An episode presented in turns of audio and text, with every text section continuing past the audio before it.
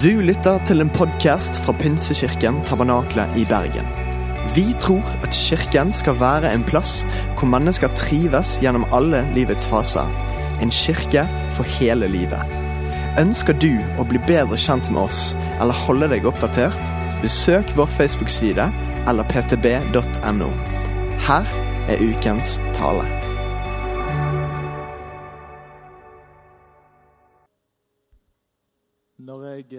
Kino, så er jeg alltid redd for noe. Og det er at de skal vise en trailer av en annen film som jeg skal se seinere. Fordi at jeg syns at de viser hele filmen i disse trailerne. Og nå har jeg sjelden sett en film som har vært vist på trailer, for å så sjekke om man egentlig de viste alt. Men jeg har skjønt at de viser jo egentlig ikke alt. Men de viser veldig mye. Har dere tenkt på det? Og Det er litt rart å sitte med hendene foran ørene og med øynene igjen når man er på kino. Men det fristes jeg til noen ganger. Jeg skal gjøre noe så irriterende som akkurat det her i dag. Og gi en liten teaser, gi en liten trailer eh, av det som vi skal få lov til å gå inn i de neste ukene i en eh, serie om eh, Daniels bok. Eh, og det er lov å holde for ørene og lukke øynene. Men det er veldig lenge, så det kan være du sovner hvis du gjør det. Nei, jeg skal ikke gjøre det. Men, men jeg følte det litt når jeg begynte i dag. og, og liksom skulle virkelig liksom lande tingene. At hei, det meg igjen. Vi skal jo snakke om dette hele tiden. Jeg kan ikke si det, og kan jeg si det, og kan jeg si det? Heldigvis så er det sånn at eh, når vi snakker ut ifra denne boken, så har han en viss bredde. ja. Han har en viss sider og litt forskjellige ting man kan gå inn i. Og det er ganske mye, egentlig. Men ikke så veldig mye. Jeg har lest romaner som er større enn dette. Fikk jeg sagt det? Så, men det som skjer er når man følger med, når man liksom går inn i, i, i bibelboken, det er at den har en dybde som ikke man kan se.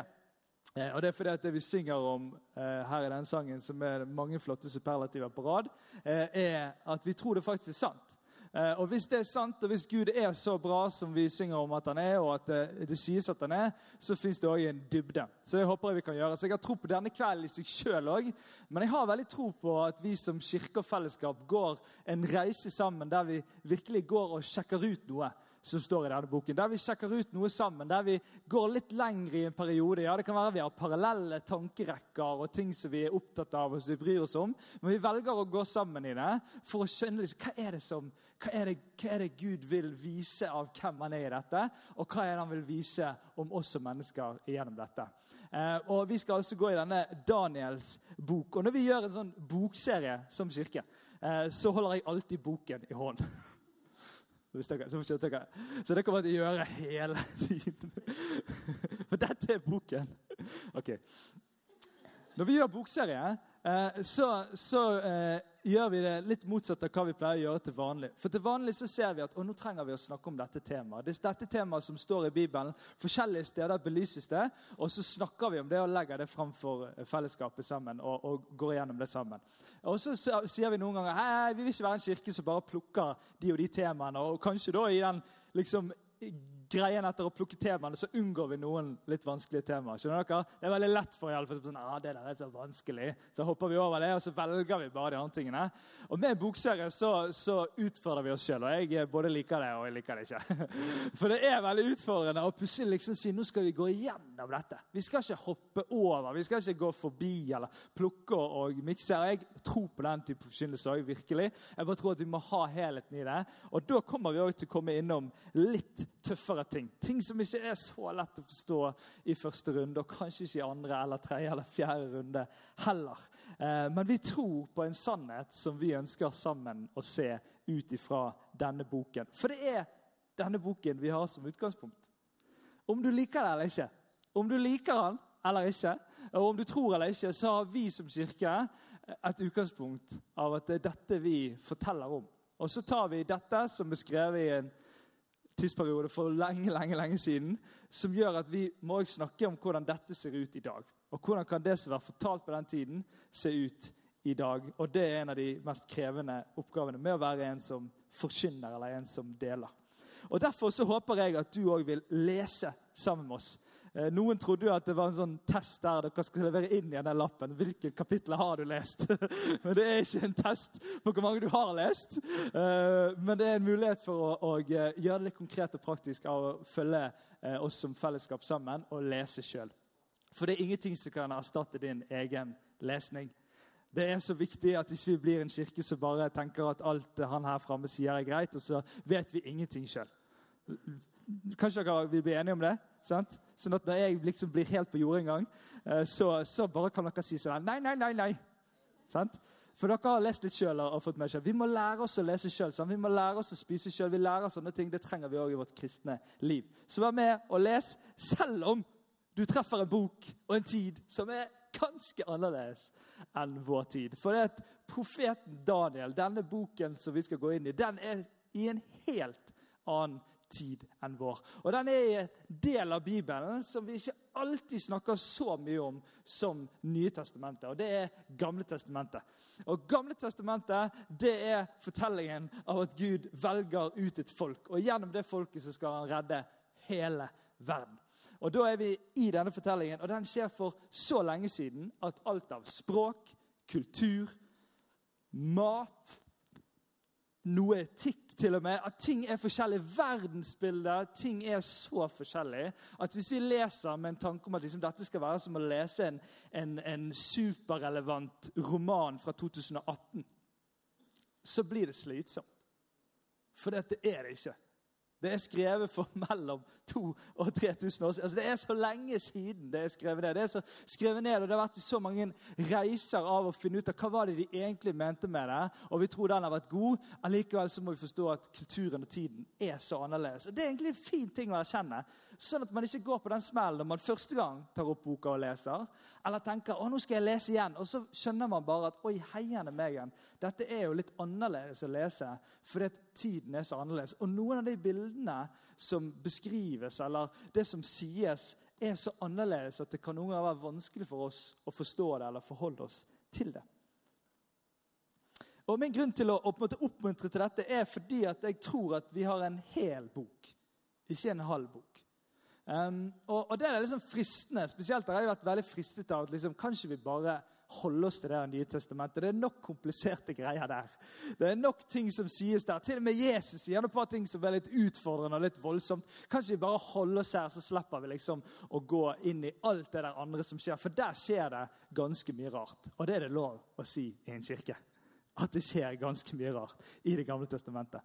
Og Da er det sånn at jeg fristes til å liksom droppe det der. Og da tror jeg at når vi dropper det, så får vi ikke hele bildet. Hvis du måtte velge mellom Det nye testamentet og Det gamle testamentet, så ville jeg ha valgt Det nye testamentet. For der åpenbares den store løsningen på det problemet og det prosjektet som er satt i gang. Men her er en nyhet til oss alle i dag. Du trenger ikke å velge. Sant? Og det er veldig greit, for du er ikke satt på det valget at du må velge mellom de to. Du er satt på det valget av vil du tro på en bok som åpenbarer eller viser hvem Gud er. Og vil du være med og gå gjennom alle de sidene og være med og ta alle de tingene og være med og møte masse ting du ikke forstår, og masse ting du kommer til å forstå, masse ting som kommer til å forandre deg, og masse ting du kommer til å sette store spørsmålstegn ved, vil du være med på det i den hele boken, for da får vi hele bildet.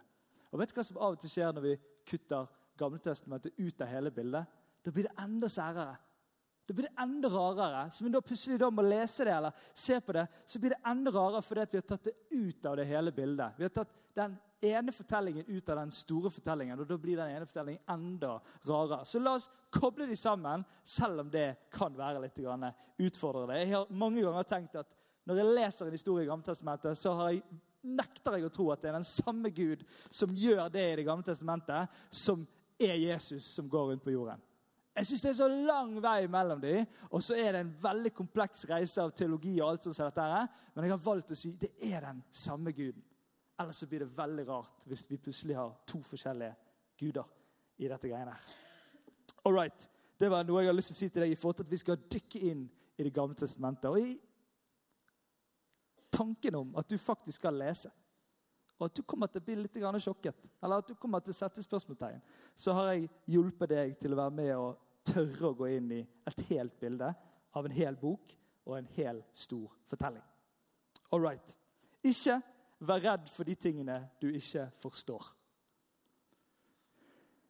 Husk at det er den samme Gud. Ikke La deg lure til å la frykten bestemme om du vil tro det er sant, det som står der eller ikke. Ikke la deg lure til å la fremmedfrykten av at ikke du forstår, eller kunnskapen din ikke strekker til, la deg tenke at dette bare kobler jeg ut, eller dette tar jeg vekk. Tør å være i det, og tør å stole på at det er den samme Gud, og at det er ikke så fryktelig dumt å ikke forstå noen ganger. Det går greit. Det er ikke farlig. Så tør å grave litt, og tør å grunne litt. Tør å la deg stoppe opp med ting som du reagerer på, eller ting du tenker var litt annerledes. Ta og Grav litt. Ta og Gå litt videre. Se om vi finner noen andre hjelpemidler til å se hva er det som egentlig står noe her. Eh, er det noen andre som kan fortelle meg dette? Eller tør, tør å grunne litt, tør å be litt, tør å tenke litt, tør å spørre Gud om det som du her leser. Tør å ta dette med inn i det. Og bare pass på at du ikke plutselig forsvinner ned i et hull som du har gravd deg ned i. For det skjer av og til med oss kristne at vi blir så opptatt av én ting, og så graver vi oss langt ned. Og så fins det en veldig fin sånn nøkkelregel for oss alle. Det er at Hvis det vi er blitt så opptatt av i Bibelen, ikke lenger peker mot Jesus, så må vi si litt sånn ai, ai, ai, ai. For det at alt er ment til å peke mot Jesus på en eller annen måte. Så bare pass på at ikke du graver deg helt ned, men tør å grave litt og tør å grunne litt. All right. Daniels bok. Vi er i en tid der Gud har samlet sitt folk. Han har gitt det sitt land. Og så Dette landet for konger. Det går bra i ca. tre ledd. Cirka bra i cirka tre ledd. Og så går det ganske dårlig i mange ledd. Og så er vi i en tid der det jødiske folket, det som er utvalgt til å være Guds folk, det lever enten i eksil en eller annen plass, eller så lever det under en okkupasjonsmakt i det landet som de egentlig var lovet av Gud. Det er en ganske vanskelig tid for dette folket. Det er en utfordrende tid. Og og her kommer tiden der vi møter Daniel og hans venner. Eh, jeg hadde en seriøs prat som ca. Sånn 17-åring med noen par. Og nå er bare advarsel. Her kommer det kristenhumor. Har ikke du møtt kristenhumor, så er dette det beste av kristenhumor som fins. Og det sier litt om hvor dårlig kristenhumor er så hadde vi en seriøs prat om at hvis vi fikk tre gutter, så måtte vi kalle dem Shadrach, Meshach og Abed Nego. Og jeg har to gutter. Og jeg har sagt stopp. Jeg har bestilt en prinsesse til slutt.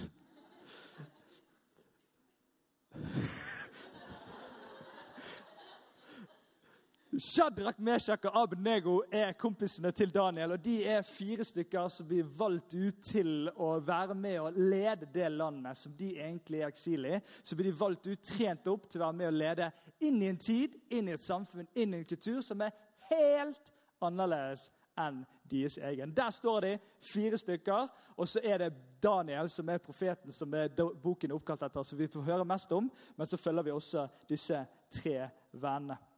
De kommer altså fra en jødisk bakgrunn. Og I den jødiske troen så var ikke det bare sånn at man hadde læresetninger man trodde på, men det var veldig mye som handlet om hvordan man levde livet sitt. Og Det ligner litt på det som var kristen tro i dag, bare at det var på et helt annet detaljert nivå. Det var på, på hva man kunne spise og ikke. Det var på veldig mange detaljerte nivå. Det vil man se hvis man leser litt i Det gamle testamentet. Og Det gjorde at de levde og åndet det de trodde på. Det er noe av grunnen til at den historien er bevart. For det var ikke bare noe man tenkte på eller liksom var, var liksom kognitivt trodde på, men det var noe man levde i. Både i fortellingene som var, men òg i måten å være på og, og handle på og velge på. Og Derfor så møter de en helt annen tid. Og Det er i den spenningen disse fire karene Vi blir liksom kjent med de som noen helt vanvittige fyrer. For de møter altså noe helt annet, som er helt annerledes enn sånn som de er lært til å leve og være og tenke. Så møter de noe helt annerledes, og så lærer de seg noen av de tingene. Men så sier de plutselig nei. Ikke det der greiene der. For så starter boken med at de vil ikke spise samme maten som de andre som er i dette opplæringsprogrammet. Så sier de nei, nei, vi vil ikke spise dette, vi vil spise grønnsaker og sånne ting. De var veggiser.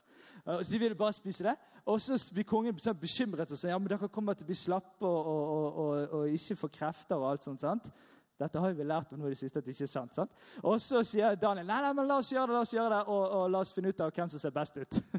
Etter to uker. Det er sant. Og da ser jo selvfølgelig Daniel og kompisene strålende ut. Eh, og, og det men det går på så tydelige nivåer, og så sier de plutselig nei på noen ting. Og så står de der, og så sier de nei. Og, og, og, De er så kompromissløse, og de står så tydelig på sine verdier og prinsipper at jeg, jeg, jeg, hvordan, hvordan, i all verden er det mulig? Og Vi skal få et innblikk i dette når disse kompisene til Daniel eh, møter den ene herskeren i denne boken og nekter å gjøre noe han vil de skal gjøre. Det er i Daniel bok, Daniels bok 3, vers 15-18. Og Det kommer opp på skjermene, så du kan følge med. Nå er dere villige når dere hører lyden av horn, fløyte, sitar, harpe, lut, sekkepipe og alle andre slags instrumenter som vi ikke har her i dag, dessverre, til å falle ned og tilbe statuen jeg har laget? For vil dere ikke tilbe den, skal dere straks kastes i ovnen med flammende ild. Det var ikke en metaforisk ovn. Det var en faktisk ovn. Finnes det da noen Gud som kan berge dere fra min hånd? Shadrach, Meshach og Abednego svarte kong Nebukadneser. Vi behøver ikke å svare deg på dette. Om den Gud som vi dyrker, kan berge oss ut fra ovnen med flammende ild og fra din hånd, konge, så vil han berge oss. Om han ikke gjør det, skal du vite, konge, at vi vil likevel ikke dyrke din Gud og tilbe gullstatuen du har reist. Og Da er vi i en helt annen kontekst og en helt annen tid. og Det kan være litt vanskelig å se en sammenheng her. Men disse gutta er jo helt utrolige. Og Vi må liksom forstå dette ikke som en sånn her eh, barnefortelling. Noen av dere kan ha hørt denne fortellingen lest i en barnebibel. Fint forklart. Dette er, dette er død og liv. Det er voldsomme greier. Og det som skjer er at Selvfølgelig sier disse gutta nei sant? og står på sitt. Og han Kongen har blitt så sint at han blir fordreid i ansiktet. står Det Det er jo litt artig. Det har jeg hørt uh, at jeg òg gjør. Når jeg blir skikkelig sint. Han blir så sint, så han varmer denne ovnen syv ganger varmere. Sånn at uh, de ender opp med, og de som skal kaste disse mennene i ovnen, de ender opp med å dø. For det er så varmt i åpningen av ovnen. Og så overlever de dette. Så skjer det et mirakel. Men det jeg syns er nesten, nesten tøffere, iallfall like tøft, det er at disse gutta sier om Gud vil eller ikke vil, så kommer vi til å nekte å gjøre det. Altså, De var jo helt syke i forhold til at konsekvensen var helt galskap. Og så likevel så står de på sitt. Vi har noe å lære av disse tre karene. og Vi skal gå dypere inn i dette videre, men jeg vil kaste fram tre ting. De var trygge i sin tro. De visste hva de trodde på. De var opplært fra de var unge. De hadde fått det inn. Det var dette de levde på. De stilte ikke et spørsmål med om dette var sant eller ikke. De stolte på det og var vant til å gå på det, og de var vant til at de skulle fortsette å gå uansett hva de møtte. Og så var de dønn sikker. Der fikk du tilbake det begrepet. Dønn. Sant? Dønn sikker på rett og galt. Før de kom inn i det rommet til han her lederen, så visste de hva som var rett og galt. De tok ikke en diskusjon, de, tok ikke, jordene. de hadde bestemt seg for hva de trodde var rett og galt. De så på det, de var dønn sikre på rett og galt. Og så var de ikke redd for å ofre alt. De visste, og de levde i en tid der død og liv var så mye mer oppe hele tiden. Med herskere som dette, vi skal komme litt tilbake til de, som var, kunne bli helt rare i hodet og bestemme rare ting. Og, og, De kunne liksom bare drepe hvem de ville uten noe lov som stoppet det. nesten. Og det var, det var en helt annen tid, og de visste at de risikerte livet. De får til og med beskjeden på forhånd. De er ikke redd for å ofre alt. Og I denne historien da, så møter jeg meg sjøl litt. Grann. Har jeg denne tryggheten i min tro? At Gud ikke trenger å levere engang, så vil jeg fortsette. Har jeg det, et sånn, et sånn tros, en sånn trosstyrke. Og i mange spørsmål så er jeg fortsatt liksom sånn Er det rett, eller er det galt? Og jeg har ganske mange sånne ja, På en måte og på en annen måte. Og, og jeg kan bli ganske sånn Jeg tror noen ganger er det bra, da. Men jeg er kanskje litt, litt for glad i det. Sånn at jeg slipper liksom å si noe rett ut eller være veldig tydelig. Jeg kan liksom ja, så. Og så er jo jeg jeg litt sånn ærlig om, om, den dagen som har vært i dag. Det, det var veldig fint hver dag. Har dere merket det? Og Jeg har en sånn greie med finværsdager. Jeg er veldig glad i finværsdager. Og så bor vi et sted der det er veldig fint på finværsdager. Jeg tok meg sjøl i morges og sa til meg er det virkelig søndag igjen. Sikker på det ikke lørdag. For jeg hadde en sånn derre Nå kunne vi bare vært her hjemme. Nå kunne vi liksom ha fyrt opp grill. Heve på kotelettene. Altså, det er så masse sånne tanker som kommer i mitt indre. da, sånn at, åh, Det er så slitsomt å være engasjert i kirke. Og så bare møter jeg liksom sånn mindset i meg sjøl. Med liksom Shadrach, Meshach og Abednego. Som er bare Kan det være at fordi min og din tro, min og dine sine prinsipper og verdier, ikke alltid blir møtt så veldig konkrete. De blir liksom ikke hele tiden kvesset og liksom hele tiden trykket på. Som gjør at vi på en eller annen måte kan sløve litt hen. Og Nå snakker jeg ikke om at du liksom skal gå ut på Marken gate her med en plakat og rope noe. Jeg sier ikke at vi liksom skal gjøre sånne ting. Men det kan være at vi liksom, uten at vi vet det, blir litt sløve. Når liksom koteletten på grillen blir liksom mer fristende enn å, enn, å, enn å, feire gudstjeneste sammen med Guds menighet. Tenk hvis jeg egentlig ikke kunne gjøre det noen andre søndager i året fordi det var forfølgelse i dette landet, og så plutselig får jeg muligheten til å gjøre det. Da hadde jeg drept det! Oi sann. I den grillen! Kan det være vi liksom, uten at vi vet det, så bare blir vi liksom sløvere og sløvere? Kan det være at vi selv om vi ikke hele tiden blir trykket til liksom enden av liv og død, kan tørre å gå runder inni oss på å tenke Hva er det jeg tror på? Hva er det jeg står for? Og hva er det jeg er villig til å ofre? Tre spørsmål som vil definere oss veldig.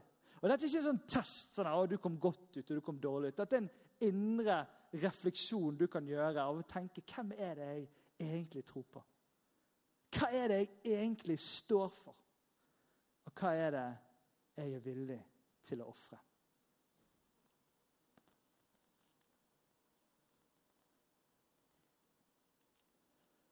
Videre i denne fortellingen i Daniel så er det interessant å følge disse gutta.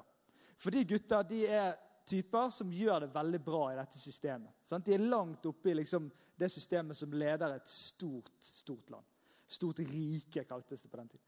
Og da er det sånn at De hele tiden driver og sier sånn Nei, nei, nei, nei, det der gjør vi ikke. Og så blir det litt sånn fight, og sånn, og så, og så skjer det et mirakel. Og så ender de opp med bare å få bedre og bedre stillinger i samfunnet. Og det er ganske interessant Hvis man leser Det gamle testamentet, så er det sånn at det er veldig sjelden snakk om en kirke. Det er veldig sjelden snakk om et, liksom, en, en, en liksom, geografisk sted, én plass en, liksom, i Bergen, i marken der. Liksom. Det er veldig ofte snakkes om byen eller landet. eller liksom det, det var liksom alltid snakk om det. Alltid snakk om at Gud skulle gjøre noe i byen og landet.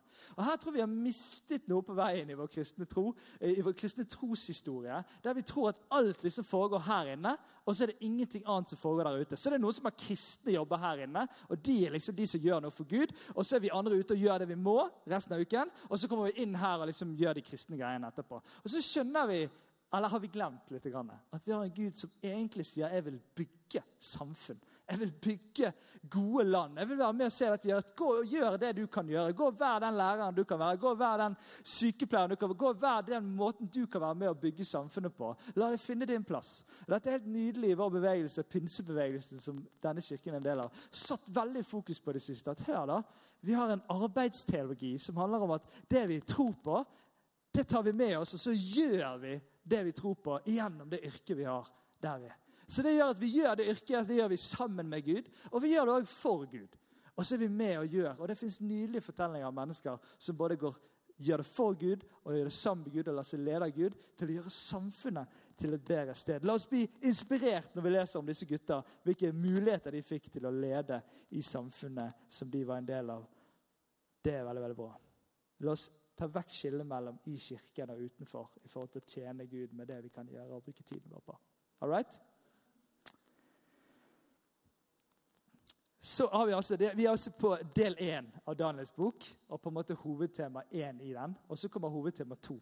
Og det er at Hver gang disse guttene som var kompromissløse i forhold til sine verdier og sine prinsipper, det er at de møtes i møte med en helt gal konge. Og, og det er ikke sånn der de går liksom på styr. sant? For De blir så maktsyke at de liksom vil at statuer som folk de vil lage statuer som folk skal tilbe. For det er en veldig religiøs tid. så religion, altså Det var ikke snakk om å ikke tro på noe. Det fantes ikke. Det er egentlig en litt sånn nesten unik sånn europeisk greie. Men det var, det var, alt var religiøst. sant? Så da hvis man ikke hadde en annen religion, så gjorde man kongen til religionen eller troen, og så skulle man tilbe han. Og Det er i møte med dette at det hele tiden blir spenninger. Og det er også i møte med dette at Gud velger å vise at han er kongenes konge. For det som skjer når disse gutta går inn i ilden, det er at de egentlig skal dø, men de dør ikke. sant? Kongen mister den makten han trodde han har, til å egentlig være Gud over disse menneskene. Og Det samme skjer med Daniel når han egentlig blir kastet i en hule full av løver som var veldig sultne. Det var ikke sånne koselige løver, det var sånne sultne løver som skulle ta de som kom oppi der. Og Så overlever han dette, og så blir denne makten som kongen tror han har kjempet seg fram til, eller han har blitt helt maktsyk av, blir liksom tatt fra henne i et øyeblikk der, der Gud viser hei, det fins en kongenes konge. Men det som skjer veldig i disse, denne fortellingen, det er at kongene ønsker å være Gud. Mennesker ønsker å være Gud istedenfor å være mennesker.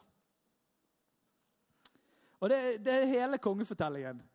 Om det er konger innsatt av Gud eller ikke i denne boken, her, så er det ikke en helt kongefortelling. For, det er de er, blir igjen og igjen grepet av sykdommen av å sjøl skulle være en gud. Enten overfor seg sjøl eller overfor mange andre mennesker. Og Her er det ganske godt å være kristen, vil jeg si.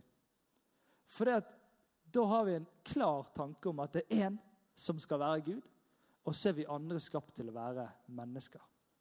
For dette, det, er ikke alltid så lett for alle oss andre her å liksom ha referanserammen en, en, en, en maktsyk herre over et stort rike. Det er ikke så mange av oss som liksom kan bli maktsyk i en statsministerrolle i Norge. Kanskje. Skal ikke si Altså ikke maktsyk del, men statsministerdel. selvfølgelig. Så det er, ikke, det er, ikke, så lett å forstå den delen der liksom, man, man liksom får et helt rike og man kan liksom lage lover der folk skal tilbe deg. og liksom sånn det, blir sånn, det, blir litt langt vekk. Vi tenker sånn, sånn er jo ikke vi da. Og så plutselig møter vi den der eh, maktsyken i vårt eget liv. da.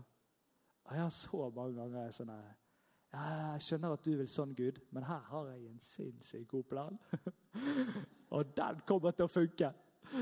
Og hvis den funker, så tenker jeg mer og mer sånn Ai, ai, ai, jeg funker. og så fortsetter jeg på det løpet der, og så blir, kan jeg ende opp i den syken noen ganger. Av å liksom tenke at liksom, det er jo jeg som er han som styrer greiene her. Husker vi da jeg ble ansatt i den kirken, så lagde vi sånn mafiafilm for å liksom tulle med at liksom egentlig var det han, hovedpastoren i den kirken egentlig var sånn der, The man who holds the strings. Og så lagde vi sånn forferdelig system av det som egentlig var en sånn mafiagreie. Altså, der han liksom var the boss. Altså Noen ganger kan man liksom bli dratt inn i sånne tanker over seg sjøl der man tenker sånn ja, er det egentlig liksom en mafiafilm, dette? Det har jeg aldri tenkt. Men så bør man sånne tanker inn, og det kan være så forskjellig for oss. da hvordan de tankene kommer. Enten er vi Gud over eget liv der vi sier ja, det der kan aldri skje. Og så blir vi plutselig Gud over den situasjonen. Og så eller vi sier nei, det, så, sånn som det vil vi ikke gjøre det. Og så blir vi plutselig Gud over så mange ting da, som kan bli så konkret. Og så ender vi opp alle å ha en liten sånn indre lyst til å være litt Gud. Både over oss sjøl og kanskje spesielt over ektefellen noen ganger. Eller noe som man tenker Kan ikke du bare gjøre sånn, da? Kan ikke du bare være sånn, da? Og så er vi ikke Gud. da. Vi er mennesker. Og vi er skapt til å være mennesker. Og det er godt for oss å være mennesker, og det er ikke godt for oss å være Gud.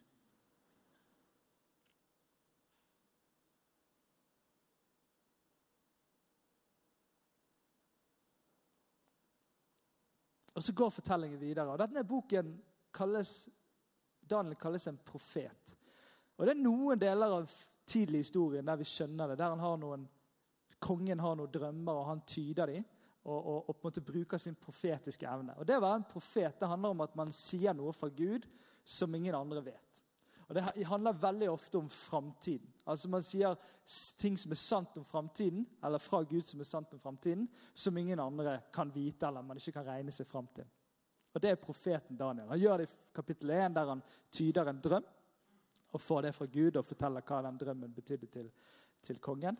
Eh, men så kommer det i del 2, kapittel 7 til kapittel 12, eller 8 til 12. Så er det virkelig liksom profeten Daniel. Og Da begynner plutselig Daniel ikke bare å snakke fram til liksom, sånn her, eh, liksom noen år fram i tid. Det er noe som handler om det. Men han går liksom fram til helt til, til liksom fram forbi oss, til og med. For som kristne så tror vi på en lineær tidsforståelse. Det betyr at det startet en gang, og så fortsetter det videre. Og så har vi en sånn rar tanke om at vi tror på en evighet som bare fortsetter og fortsetter. Og Så fins det noen punkter på denne lineære tidsforståelsen som er veldig viktig. I, I, det at det skapes, det starter med Gud som skaper. Eh, og så er det, er det skaper han eh, mennesket, og så, og så, velger han ut et folk. Og så kommer, kommer dette folket får sitt eget land, og så er vi inne i den Daniel-perioden der det går dårlig. Og så kommer Jesus. Og Så får vi høre om de første 50-60 årene. Det er veldig liten tid vi får høre av det første kirke. Og så stopper Bibelen der. Og så går fortellingen videre. og Det er en kirketradisjon som man kan se på. Men det er det vi, Bibelen vi tror på. Og så peker denne Bibelen hele tiden videre fram mot noe skal si enda lenger framme. Da Jesus døde og sto opp igjen her i denne boken og, og lever her sammen med oss. Og så plutselig sies det noe om at han skal komme tilbake igjen.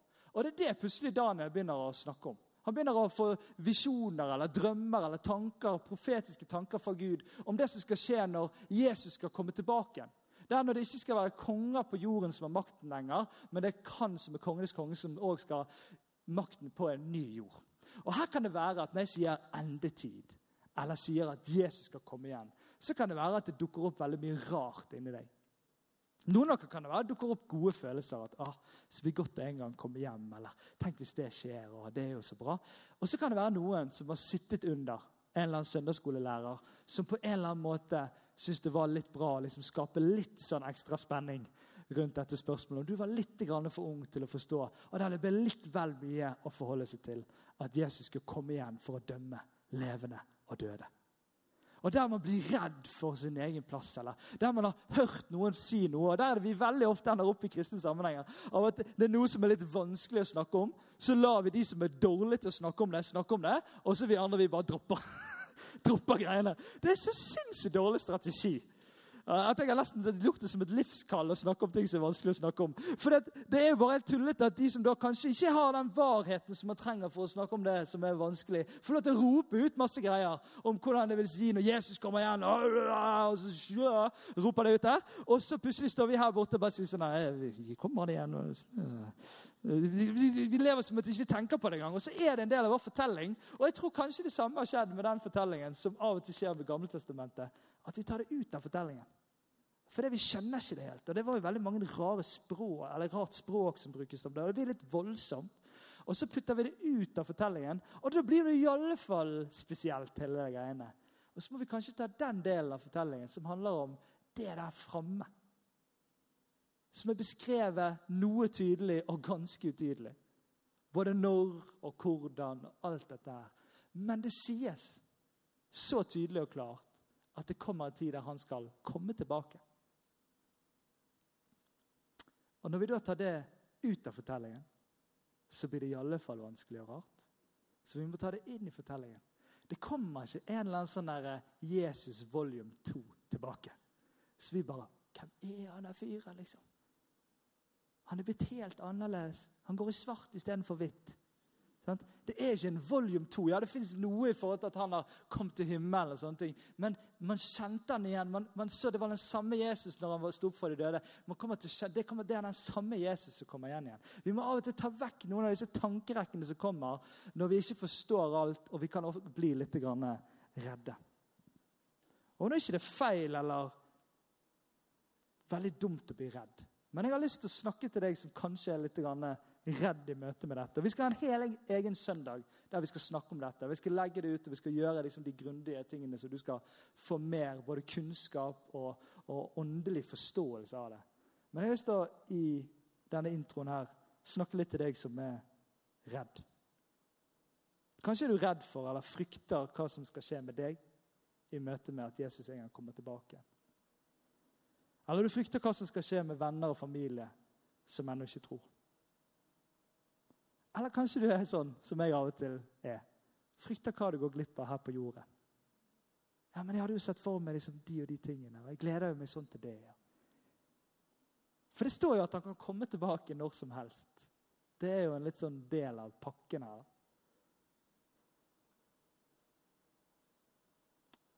Frykt gror grådig godt alene. At den frykten vi holder for oss sjøl i vårt indre, den vokser som hakkamøkk, faktisk. Den vokser voldsomt. Ikke la frykten som du har, eller kan ha, i møte med dette, få vokse alene. Del det du tenker med noen, og ta det opp med Gud. Gud, jeg lurer litt på hva som på en måte skjer. Jeg har skjønt at det fins noe der framme. Hva, hva, er greia? Kan du gi meg en indre ro? Kan du gi meg en forståelse? Hjelp meg.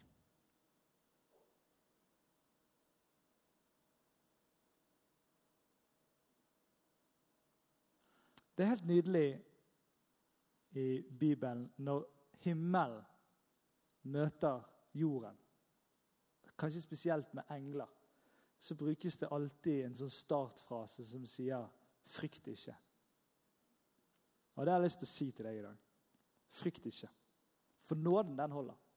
Det Jesus gjorde, det holder. Du trenger ikke å stille spørsmål på det. Det kan du hvile og stole på. Du trenger ikke å være redd. Frykt ikke, men la heller nøden, eller det som kan være en frykt, bli om til en nød for at flere skal være med den dagen han kommer igjen. Og frykt ikke for å gå glipp av ting her. Alt tyder på at det er ganske mye bedre. Og en evighet av tid i himmelen. Og nå vet jeg at jeg har svingt innom et tema. Og kanskje kjente jeg at jeg skulle gjøre det litt skikkelig i dag, for å gjøre deg litt forberedt. Sånn at du kanskje er klar når vi går igjennom det. Kanskje er du på et litt annet sted i forhold til når vi går igjennom det. For jeg tror veldig ofte så setter vi oss sjøl på siden med noen tematikker. Eller vi definerer oss sjøl utenfor når noe snakkes om, fordi vi har en fortelling eller noen ting. Jeg har lyst til å invitere deg til å sitte akkurat der du sitter. Neste søndag, søndagen etter der igjen. Og være med på denne reisen. For jeg tror at Daniels bok kommer til å utfordre oss til å leve annerledes. Annerledes enn denne verden gjennom våre kompromissløse verdier og prinsipper. Annerledes enn verden der vi lar Gud være Gud, og vi får være mennesker. Annerledes enn verden der framtiden alltid er lys, uansett hvor mørkt det er her og nå. Skal vi reise oss opp og låse til vi kommer fram, så skal vi be sammen.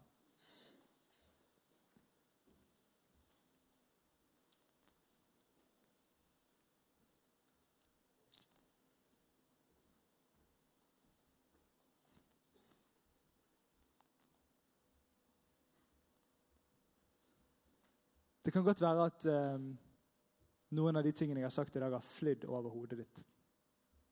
Og det er helt greit. Det kan godt være noen av de tingene jeg har sagt i dag, har provosert deg. Og det er helt greit. Og Det kan godt være du er her og ikke tror og tenker det var da voldsomt så de trodde på dette greiene her. Og det er helt greit. Men jeg har lyst til å invitere deg til å gå inn i dette med livet ditt.